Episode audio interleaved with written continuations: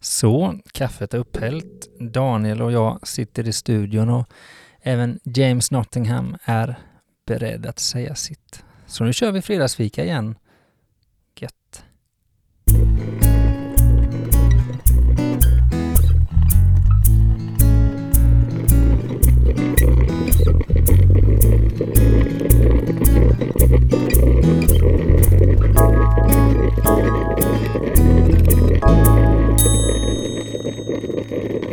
Varmt välkommen till Fredagsfika med Daniel. Jajamän, och vi två som sitter här och har det lite gott och mysigt idag, det är ju Daniel Johansson och Daniel Dahlström. mm, som är två stycken SO-lärare från Aneby i Småland som har ett stort intresse för allt som har med lärande att göra. Ja, Fredagsfika med Daniel är ju ett komplement till vår vanliga podcast Jag vill vara en lärare som. Mm. Det handlar även här i huvudsak om lärande, utbildning och liknande frågor, men i ett litet annat format där vi kan ta ut svängarna lite mer. Så är det. Så är det. Hur är läget Daniel? Det är ganska så bra. Eh, Jag dricker kaffe samtidigt, det är därför jag kommer ifrån mikrofonen lite ibland. Så. Det är lite så vi lägger upp det här. Ja, nej, men det är bra. Jag har varit och fiskat idag. Ja, Vi har ju påsklov. påsklov här. Ja. Precis. Ja, Var det kul? ja. Kallt? Eh, Det var kallt, det var minusgrader på morgonen när vi gav oss iväg, men det, blev, det var en fin och solig dag och inte så blåsigt. Underbart. Mm. Underbart. Och det blev fisk. Det blev fisk. Mm. Men fisken är lyckligt tillbaka i sjön igen. Ja, nu är det några veckor sedan vi hade fredagsfika. Ja, men det är inte så länge sedan vi var vad säger man, aktiva här. För vi släppte ett grit-avsnitt för några Ja, veckor sedan ja, vad gällde Jag vill vara en lärare som. Precis, det andra avsnittet där. Mm. Ehm, Och nu är det dags för fredagsfika, det är Ja. härligt. Det är lite fredagsfeeling att sitta här med dig Daniel. Ja, märkte du att jag inte frågar hur du mår? Det kan, kan ju vara trevligt för du. Så där gör jag ofta. Ja, jag har, jag, har jag kommit på mig själv. När folk frågar så berättar jag och sen går jag vidare. Nej men tack, det, det är bra. Mm. Det är absolut bra. Mm. Eh, Jag har inte varit ute och fiskat, jag har suttit och pluggat här idag. Mm. Trevligt. Ja men det är trevligt det också. Det är alltid kul att förkovra sig. Ja men mycket. Ja, jag testade på lite släktforskning häromdagen. Jag kom över lite gamla dokument från mina, mina fädernes led eller vad det stod och sånt där. Och sen så, det var jätteroligt att sitta och pilla med någonting och nörda in sig. finns ju en risk att Ja. du kommer hålla på en del med det. Jag vet inte, men det är ungefär samma sak som när man pluggar tycker jag. Man nördar in sig på någonting så här som man verkligen vill gå till botten med. Ja men det tänker jag, det skulle jag nog också kunna gå in för ordentligt tror jag om jag, om jag vågade prova. Mm. Mm. Du, jag gillar ju de här fredagsfika-avsnitten för vi har ju ja, vi har roliga grejer tycker jag. Idag kommer jag ju få lyssna lite på någon slags, vad ska man säga, reflektion som du har gjort. Ja, det, det blir mer ett samtal idag tror jag. Ja, jo det Men, eh, brukar det ju bli, men, men det är ändå du som har tänkt till lite. Ja, men jag har Ja. med mig en grej här idag som, eh, som jag har blivit lite inspirerad och utmanad av. Ja. Så Och sen så har vi en hälsning från James Nottingham igen. Ja, fantastiskt roligt. Mm. Det ser vi alltid fram emot. Ja. Så att, eh, ja, något annat vi behöver säga innan vi fortsätter eller? Ja, men några ord om kaffet vi dricker kanske, Ja, innan vi drar igång. ja. Vi har ju ett samarbete här med, med Kaffekassan och sitter Ja. och dricker deras eh, goda och lyxiga kaffe här. Idag testar vi mellanrost. Ja, Ja, förra gången var det mörkrost Ja, tror jag. ja. Ja, det smakar riktigt bra. Eh, kaffekassan hjälper ju klasser, lag och föreningar med att tjäna pengar. Eh, sådär, man kan sälja deras produkter. Mm, och tjäna lite pengar, det är därför man vill göra sånt där som lag och då vill man ju tjäna så mycket som möjligt Ja. för den insats man gör. Och upp till 67 kronor per eh, paket eller produkt eller man ska säga Mm. kan man tjäna i just kaffekassan. Inte så tokigt och, och vi gillar ju att de har ett hållbarhetsfokus. Mm, Vi tänkte vi kunde nämna idag att eh, kaffet är spårbart. ja, Man kan följa det tillbaka till odlaren mm, och det där är ju en bra grej. Alltså det, det borgar ju för hållbara produkter tycker jag. precis. Så därför så vill vi på något sätt slå ett slag för kaffekassan. Ja, men testa gärna in och kolla på kaffekassan.se. Förlag, klasser och föreningar. Bra.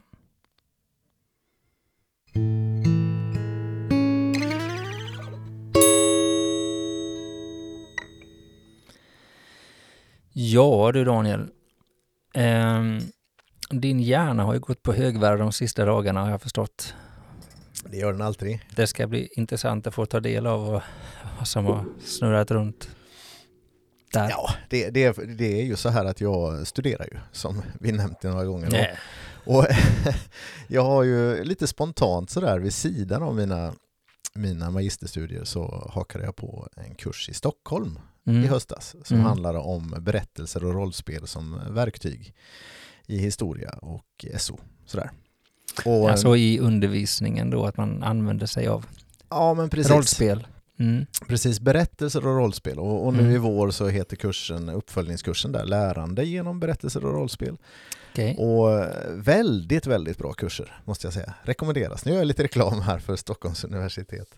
De kanske kan bli Eh, sponsorer de också. Ja, men det kanske de kan bli. Eh, Mm. Men det här bjuder vi på. Nej, men väldigt, väldigt inspirerande. Och jag tänkte bara jag skulle lyfta en grej som jag stötte på där i, i en bok. Okej. Eh, och boken i fråga heter Berätta som en saga och är skriven av Kieran Ega- Egan. Eh, ingen person jag kände sådär mycket till, men det, det spännande här som jag blev lite utmanad av, det är han, han utmanar tanken lite kring hur vi planerar undervisning. Och jag tänker att det här kanske man kan man kan eh, dra lite paralleller till andra verksamheter också, men just det här att det han, han kritiserar och, och menar att mycket av det vi gör utgår från Piaget kanske, att det är från det här logiskt matematiska tänkandet, att det ska vara liksom ett mål, sen ska det vara innehåll, metoder och utvärdering. Liksom. Mm, jag. Eh, och att det kan bli lite fattigt och platt är hans eh, ingång här. Ska vi Mm. verkligen göra sådär? Va- Vart tog känslorna vägen? Vart tog eh, känslan av mening? Vart tog helheten vägen? Vart tog allt det där mjuka vägen i våran eh, lektionsplanering? Det tyckte jag var lite spännande. Mm. Och jag satte eh, rubriken här på min lilla fundering, eh, planera som en saga. Har du gjort det någon gång? Nej, det, ja, det vet jag inte. Du får väl presentera vad det där innebär, att planera som en saga. Fake eh, fakta, typ. Ja, det var kanske inte riktigt det jag menade. Eh, Men eh, mer så här att eh, om man tänker att som en saga är uppbyggd, att det finns någonting väldigt eh, grundläggande i det där. I, i berättelser som människor har berättat i, i alla tider, bland annat sagor, så finns det något väldigt pedagogiskt. Mm. Och just det här enkelheten som är i en saga, helheten som är att man, man börjar med att bygga upp en förväntan hos, hos de som lyssnar. Och, och sen utarbetas och kompliceras berättelsen. Eh, och, och sen till slut så, så på något sätt så tillfredsställs förväntningarna. Det kommer en upplösning på slutet. Mm. Och jag, jag bara liksom någonstans insåg att så ser ju inte så ofta mina lektioner ut. Gör nej, dina det? Nej, nej, det gör det ju inte. Ibland kan man faktiskt... Eh, ja, hur ska man säga? Att mm, man har någon kanske liten poäng eller någonting man vill få dem en liten aha-upplevelse eller man har någonting så att man bygger upp Ja. något slags spänning eller någon så det blir... Det gör jag ibland skulle jag säga. Mm. Jo, men, Mm. jo, men lite kanske man är där och nosar. Men, men just det här att ha en tydlig början och en tydlig avslutning. Att man kanske presenterar någon typ av konflikt eller problem som vi ska lösa den här lektionen. Mm. Så är det ju ofta i sagan, Mm. sådär, någonting svartvitt, Mm. någonting som, som eh, är ett problem och sen att, det, att man håller fokus på det, att det finns en röd tråd genom lektionen eh, och att man väljer ut stoffet så att det liksom stämmer med helhetsberättelsen. Liksom. Sådär. Mm. Kanske inte för mycket sidospår, det tror jag både du och jag kan fundera lite kring. Eh, Ja, jag tror det. Men, men det kan också vara bra givetvis. Men att det finns en tydlig rörelse fram mot slutet liksom, och, och sen ett tydligt slut där då den här konflikten får sin upplösning.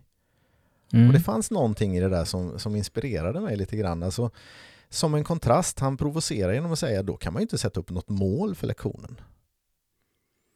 Det beror på vad det är för typ av mål man sätter upp, Ja, tänker jag. i, i och för sig. Ja. Men, men att liksom ge den här nyckeln redan innan Nej. blir ju lite tråkigt. Alltså, Ja. Det är som att man skulle berätta hur sagan går innan Nej, man börjar precis. läsa den. Liksom. Mm. Och det där är lite kul för jag är jättenoga med att sätta upp ett mål för lektionen nu för tiden. Mm. Eh, och sådär. Eh, så jag tyckte det här var lite spännande men tänk om man kunde plocka in lite mer av det här som sagan innehåller med inlevelseförmåga, med spänning, med känslor, med identifikation kanske och sådär Mm. i en vanlig lektionsplanering. Eh, med ett, kanske ett ganska vanligt innehåll men att man hittar ett sätt att paketera det så här. Eh, som inte är logiskt matematiskt i grunden. Mm.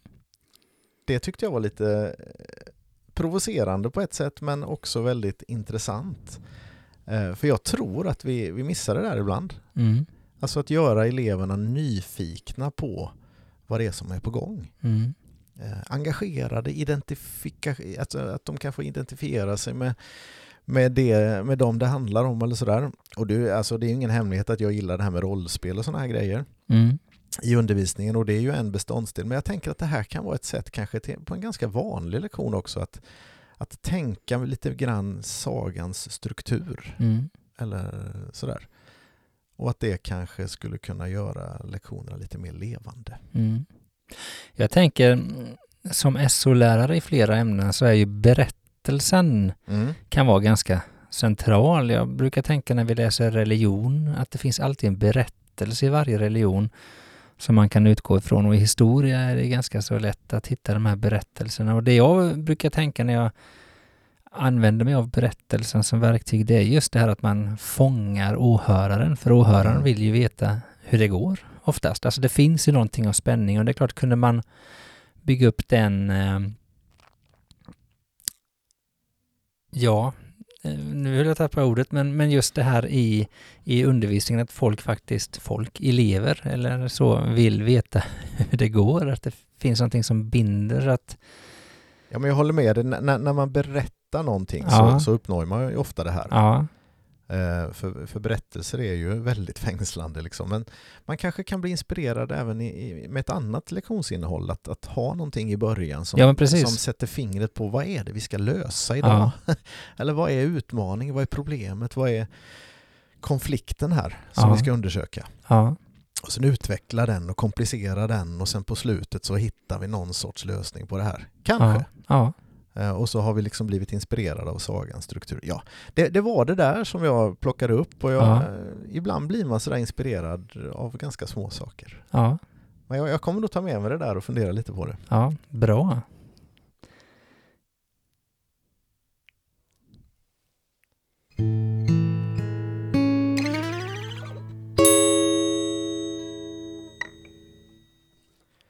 Från en sak till en annan. Ja, Nottingham. Ja, undrar vad James har för oss idag. Ja, det är väl inte så mycket att tveka på utan vi låter väl honom komma till tals, tänker Ja, jag. men det tycker jag.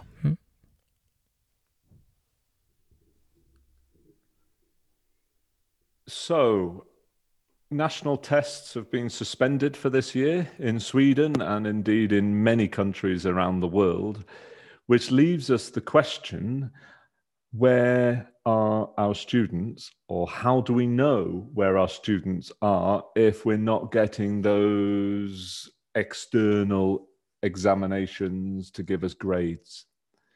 And how can we think about learning and progress without having grades? My favorite model is the solo taxonomy from Biggs and Collis. It stands for the structure of observed learning outcomes. And they talk about the move from knowing nothing to knowing some things to knowing lots of things to understanding how those things work, to then being able to use those things in lots of different contexts. The terminology they use is pre structural, unistructural, multi-structural, relational, extended, abstract. And what I like about this model is there's a beauty in its simplicity it's a language that we can use with our students. We don't need the unistructural, pre-structural, multi-structural language. We can go, we can talk no idea, some idea, lots of ideas, understand, apply. What I like about it is it's not just about knowing more things. It turns out that more than 90% of lessons spend their time at that knowledge level. More than 90% of the questions asked in lessons are at that knowledge level. more than 90% of what we do in school is based on moving the kids from knowing nothing to knowing some things to knowing lots of things. But that's what we would call surface level learning. It's not bad, it's very good. We need it. We need knowledgeable kids. We need knowledgeable students. We need knowledgeable teachers. But that's only half the story. You've got to then take that knowledge and connect it in with lots of other ideas, to sequence it, to put it in a hierarchy, to determine which is relevant and which is irrelevant for that context. So we've got to understand it. And what I really like about Biggs and Collis' work is that what they are saying at the heart of understanding is being able to connect. So when one of your students said, So does that mean that this will happen? Or so we're talking about this in maths. We were talking about that in science as well. Is that the same thing or is that a bit different? Or in language, they say, so is a metaphor the same as a simile then? If they're asking those sorts of questions, I am absolutely delighted because I think they're starting to make connections. Beyond the connections is applying it in lots of different contexts. So let me give you a quick example to finish with. If I'm going to teach the water cycle, the pre structure would be kids have never even heard of the water cycle. Unistructural is they know a few things. They know the the water cycle's got something to do with the rain and clouds and the sun, for example. At the multistructural level, they know all the terminology evaporation, transpiration, precipitation, surface th- flow, through flow. They can uh, describe the whole diagram of the water cycle. And here's the problem so often we stop there. So often, once everybody knows that diagram, they move to the next topic. But remember, we've only covered the knowledge, we haven't gone for understanding or application yet. In the water cycle, the next level would be getting students to the point where they understand it enough that they can describe the effect of, for example, what would happen if we chopped down trees in one part of that diagram? And you would expect them to say, well, without trees, there are no roots. Without the roots, that's not going to soak up the water. That means there's going to be more through flow. That means there's going to be more surface water flowing down the hill. That means there's going to be a risk of flooding at the valley bottom. That means there's going to be more standing water at the bottom of the valley, which more likely to be evaporation there. And that's going to change the microclimate at that point. Do you see what I mean? So they are taking that knowledge and they're connecting it and they know how that's interlinked. And then that final stage, extended abstract, it could be um, how does human activity influence the water cycle? And how does the water cycle influence human activity? So they are taking their understanding of the water cycle and applying it to a connected but a different context.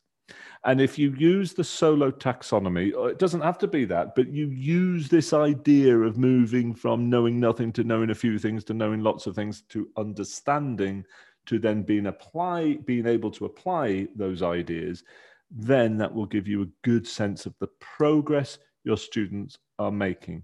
It won't tie in exactly to your curriculum, it won't tie in exactly to your grades, but it will give you a very good sense of which students are at that surface level and which students are going deeper and what do I need to do? Those at the surface, I've got to encourage them to go deep. Those who are at the deep level, I've got to encourage them to connect and apply into different contexts. It's not perfect, but your grading system is not perfect. Your your national testing system definitely is not perfect. So I know it creates problems when we stop doing what we normally do and we normally have national tests, but see it as it also gives us an opportunity to innovate and create. And my question to you, Daniel and Daniel, is how can we know the progress our students are making and what can we do when there's no national tests? Hur kan vi ta reda på vilken utveckling eleverna gör Ja, när vi inte har några nationella prov. ja men precis. Det frågan? Det är den direkta frågan till Ja. oss Daniel och till dig som lyssnar. Ja, Ehm, och spontant så tänker jag så här att jag vet inte om jag tycker det är så stor skillnad. nej, För jag skulle vilja säga att vi, vi säger oss i alla fall vara ganska självständiga från nationella prov även i vanliga fall mm. I vår bedömning och sådär. Vi känner Mm. att vi har hyfsat gott självförtroende i att vi bedömer sådär. Men det är gott att få den där, den där eh, känslan av att är vi på rätt nivå liksom i våra Mm. bedömningar. Avstämning liksom. så är det ju. Och en chans för eleverna att Ja. visa också i slutet på nian. Ja. Jag tänker, nu ska vi inte diskutera nationella prov här, för det var inte frågan, men ibland brukar jag tänka att det som kan vara bra med att eh, jobba med nationella prov, det är att det kalibrerar min bedömning varje år, att man hamnar på rätt nivå när man bedömer elever. Men det här tycker jag någonstans, det handlar ju också lite om det här James pratar om här, eh, det vi ibland brukar prata om som följsamt lärande, att hela tiden följa eleverna i deras utveckling för att se ja, Ja, men vart de ligger. var, var du bekant med solotaxonomin här? eh, Nej, jag har inte tidigare? hört det begreppet. Alltså begreppet har jag hört, men Okej. jag måste erkänna att jag, jag, jag inte riktigt koll på det Nej. i detalj, så det här var väldigt spännande för mig. Ja, Sen ser man ju att det här har satt sina avtryck, kanske på olika sätt, ja men i så är det ju. Och, verkligen. Och jag tänker att just det här med, ja, ska vi kalla det ytinlärning och djupinlärning, det har vi ju pratat en del om och jag vet själv när man läste till lärare och man kom in på det här med fenomenografi som jag tycker är spännande, som pratar mycket om det här med, att, med djupinlärning. Mm. eh, att eh, faktiskt få någon slags förståelse och förtrogenhet med det man gör. Det jag tycker är spännande i det han säger här, det är det här att kunna applicera någon kunskap från ett område på ett annat område. Steg fem i den här Ja, taxonomin kan man säga. Att då. komma dit här med sin kunskap, att man kan se att, ja men vänta lite nu här, det här är ju samma sak, det kanske till och med är ett annat ämne.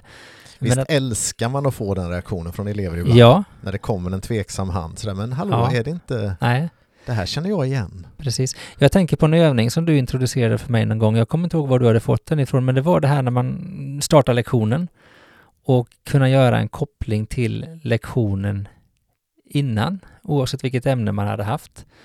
Ehm, Det är ju verkligen träning på steg fem. ja, att träna sig i att se att det här vi läser nu, finns någon koppling till det vi gjorde Ja. innan? Det kanske var idrott eller det kanske var musik eller det kanske var matematik. Man kan väl säga så att de här tre första stegen i den här taxonomin handlar ju mycket om just bara referensramskunskaper eller vad vi nu kallar det för. Det här liksom som vi eh, med, medan steg fyra och fem handlar om förståelse och tillämpning. Ja. Liksom sådär. Och, och grejen är ju den som jag också tror ibland man hamnar i någon fälla, det är att man, man jobbar bara med steg fyra och steg fem, att man, man tappar Alltså det, det behövs ju faktakunskap för att kunna Mm. dra de här slutsatserna. De här stegen bygger ju på varandra. Men det han säger där om att 90% av Ja. lektionerna stannar Ja. på steg tre, Ja, det är ju väldigt talande. Jag vet, Ja. jag har sett annan forskning på det här också som, som säger precis samma sak. ja, Och det måste vi ta till oss. ja. Ehm, Och det beror ju mycket på hur vi ställer frågor, tror jag. Ja, och hur vi planerar lektioner. Ja. Alltså också sådär, alltså, jag vet ju att vi som SO-lärare ibland funderar över den här upplevda motsättningen Ja, mellan att förmedla de här kunskaperna man behöver mm. och träna de här lite mer avancerade förmågorna. ja, Att komma på djupet, liksom, att Ja. analysera och reflektera och, och dra slutsatser eller förutsäga. Eller, ja. Och det handlar ju någonstans om att utmana tanken där också. ja, och det, ja, jag säger upplevda motsättning för jag är inte helt säker på att det är så egentligen. Utan man, man, man kan nog hitta sätt att, att liksom kombinera det här oftare än Ja. vad, vad man ibland gör. Att det Ja. liksom inte akta sig för att stanna där vid bara faktastuderande. Ja, Liksom. ja, Mm. Eh, ja, jag, blir, jag- kommer att tänka på en sak här. Alltså, jag skulle vilja säga till dig som är förälder att eh, ta till dig den här taxonomins budskap lite så. För ibland upplever man ju att det finns någon sorts gammal bild bland oss som är lite äldre att skolan handlar mycket om fakta. Men att liksom som förälder vara medveten om att det handlar också om de här fjärde och femte steget. Om man sitter hemma och hjälper sina barn eller vad man säger till sina barn att de ska eh, lära sig. Sådär. Och vad man tränar hemma och sådär. Det tänker jag är en jättebra grej. Ibland har jag tänkt, jag har nog sagt det någon gång i den här podden, att vi kanske pratar för mycket om lärande och för lite om bildning. Jag vet inte om du Ja, känner igen det. det jag, det, det här sätter lite fingret på det jag tänker med just bildning, att, att kunna förstå världen utifrån det man faktiskt har lärt sig, att träna sig i att kunna göra de här referenserna och kanske kunna utvärdera någonting och dra en slutsats utifrån sånt jag har lärt mig, men att det skapar ett nytt sätt att tolka och analysera min omvärld. Att det är lite det som är Mm. bildning och att man vill nå dit med sin undervisning, att man faktiskt strävar efter att komma dit hän att jag kan tolka, jag kan dra slutsatser, jag kan komma med egna eh, förslag på lösningar och sånt där kanske, eller vad det kan vara. Och där Jag kan ha lärt mig någonting i skolan och sen kanske kan tolka det jag läser i, eller ser på nyheterna, läser i tidningen eller i olika sammanhang. Men då blir ju liksom hela grejen mycket mer levande, mycket mer Ja. spännande, mycket mer intressant. Det blir Ja. inte bara skolämneskunskaper utan det blir, det blir livskunskap liksom. Ja, Eh, kunskaper om världen. Eh, men, men just, eh, jag vill bara skicka med det till, till föräldrar sådär att eh, ta intryck av det här. Att eh, så här funkar ju skolan nu för tiden. Det gjorde den kanske förr också men det, ibland upplever man att det finns en liten motsättning där. Eh, jag, jag tänker så här Daniel, när det gäller just bedömning då? ja, Visst har vi ganska ofta pratat om att vi borde vara bättre på att finnas där följsamt varje lektion. ja. Tror du att det här är ett bra verktyg? Jag tänker att om jag jobbar utifrån det här perspektivet, att jag vill vara med och se mina elever utvecklas mot detta, så är jag ju både vaksam på hur eleverna tar de stegen. Och då har jag ju också en förståelse för vad de, hur långt de har kommit i sin utveckling förhoppningsvis. Mm. Ehm, Skulle det vara viktigt för eleverna att, att få det här presenterat för sig? Ja, kanske. Det är kanske är den typen av mål vi ska presentera när vi pratar om vilka mål man ska sätta upp Ja, men ibland början tänk- på le- ja, en lektion eller ett, ett, eller ett eh, lärandeområde. Så här. Ja, eller på ett utvecklingssamtal, Ja. vad man pratar om. Ja. Liksom. Jag, jag, jag fick mig en sån här tanke, vi har ju, vi har ju en, en lärplattform där man ska fylla i någon sorts lär, matriser i ämnena så där, Ja. eh, där kunskapskraven är uppdelade i lite små, väldigt speciellt system som man kan ha mycket synpunkter på. Men det här är ju något helt annat. En lite mjukare bedömning av, men som jag inte upplever skär sig mot Nej, kunskapskraven. nej, nej. Utan ja, Mm. Eh, Vi har ju liksom använt våran eh, variant på Big Five lite i samma anda. Mm. Att ha ett lite lättare verktyg att bedöma och ett språk att prata med eleverna. Mm. Hur man kommer lite djupare. Vad som krävs för att komma lite djupare i ämnet och Mm. lära sig lite mer än bara fakta. Mm. Och fakta behövs, men man måste komma vidare. Det tror jag är jätteviktigt. Att man inte missar det. Ja men verkligen. Ja. Båda delar Ja. behövs ju. Ja, Eh, Hinner vi med en reflektion till? ja visst. Jag tänker på en innebandysäsong utan matcher. Ja, det har jag varit med om. Är det, ja, men är det lite samma sak som en, en vårtermin utan nationella prov? Ja, jag vet inte. Ja, men just det här i känslan som elev eller som tränare, eh, spelare. Vi får inte de här avstämningarna liksom, men kan vi ändå jobba med att utveckla lärandet? Jag tänker ju jättemycket att vi måste jobba utan att eh, förlita oss för mycket på nationella prov för att risken finns alltid att man läser mot nationella prov och Mm. anpassar sin undervisning för mycket utifrån det. Och det är en fara, eh, skulle jag säga, för ett nationellt prov mäter inte ett helt kunskapsområde. Det är lätt att tro att det gör det, men det Ja. kanske är lätt, om man skulle se vad vi ska bedöma i ett ämne så kanske ett nationellt prov mäter ungefär hälften av det. Mm. Och eh, det har jag varit, läst en del texter som har varnat för att vi planerar vår undervisning utifrån nationella proven och det tycker jag att det vore vansinne om vi gjorde det. Ja, och lite på samma sätt det, kan det ju vara svårt att utvärdera lagets prestation utifrån en match. Ja, så det är, är det. så mycket annat som spelar in också. Vi kan Ja. faktiskt göra en bra prestation utan att vinna. Ja, Och sådär. Ja, det var en, lite sådär utanför. ja, jag köper inte din parallell helt där, men Nej, det är kul att du försöker testa att applicera din kunskap i ett nytt sammanhang eftersom vi precis har pratat om det. Det var mer en association än kanske en applicering Ja. om jag ska vara ärlig. Precis. Nej men gott. Vi tar med oss detta och, och det här är ju alltså, vi har ju inga svar i så, men det är alltid bra att få en tanke som man kan reflektera över, tänker jag. Det är ju precis det som är meningen med James Ja. hälsningar, Ja. att det ska utmana vår tanke. Ja.